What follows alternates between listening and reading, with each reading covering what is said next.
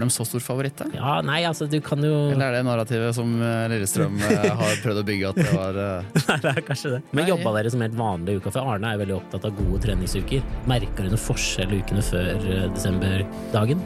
Nei, altså Arne kjørte samme opplegget, så det var ikke noe Det var like treninger med samme øvelser og samme trøkk og intensitet og krav. Det, det er ikke noe tvil om.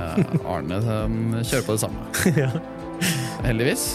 Du kjenner jo noen dagen før. altså sånn man samles uh, Vanligvis møttes vi bare opp til kamp, men nå var det som, selv om vi skulle på Burdal, så møttes vi på hotell dagen før og sov der. Og var liksom på messa. Vi var inne og eh, vi viste oss og, på scenen og sånne ting. Og, men jeg, jeg var forholdsvis rolig dagen før, men der jeg liksom kjente det spesielt, var når vi kom med bussen til Ullevål, og de bare møtes. Ja, gule og svarte folkemyldre som er utenfor stadion. Da. Og da kjente jeg det trykket. Det var da det liksom begynte å Fotball begynte å slå, da. At det liksom, ok, der er noe, noe helt spesielt. da. Ja, for det, det var jo noe helt spesielt, og måten dere ikke struper på dem. og altså at du løper ned med Asker, Har du fått noen meldinger om det i ettertid for, for det? eller?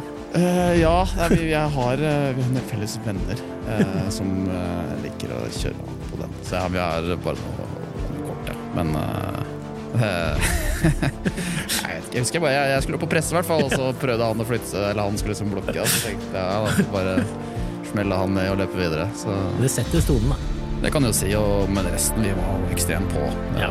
den kampen der. Så det er klart. Hvis du ikke er på en cupfinale, så er du aldri på.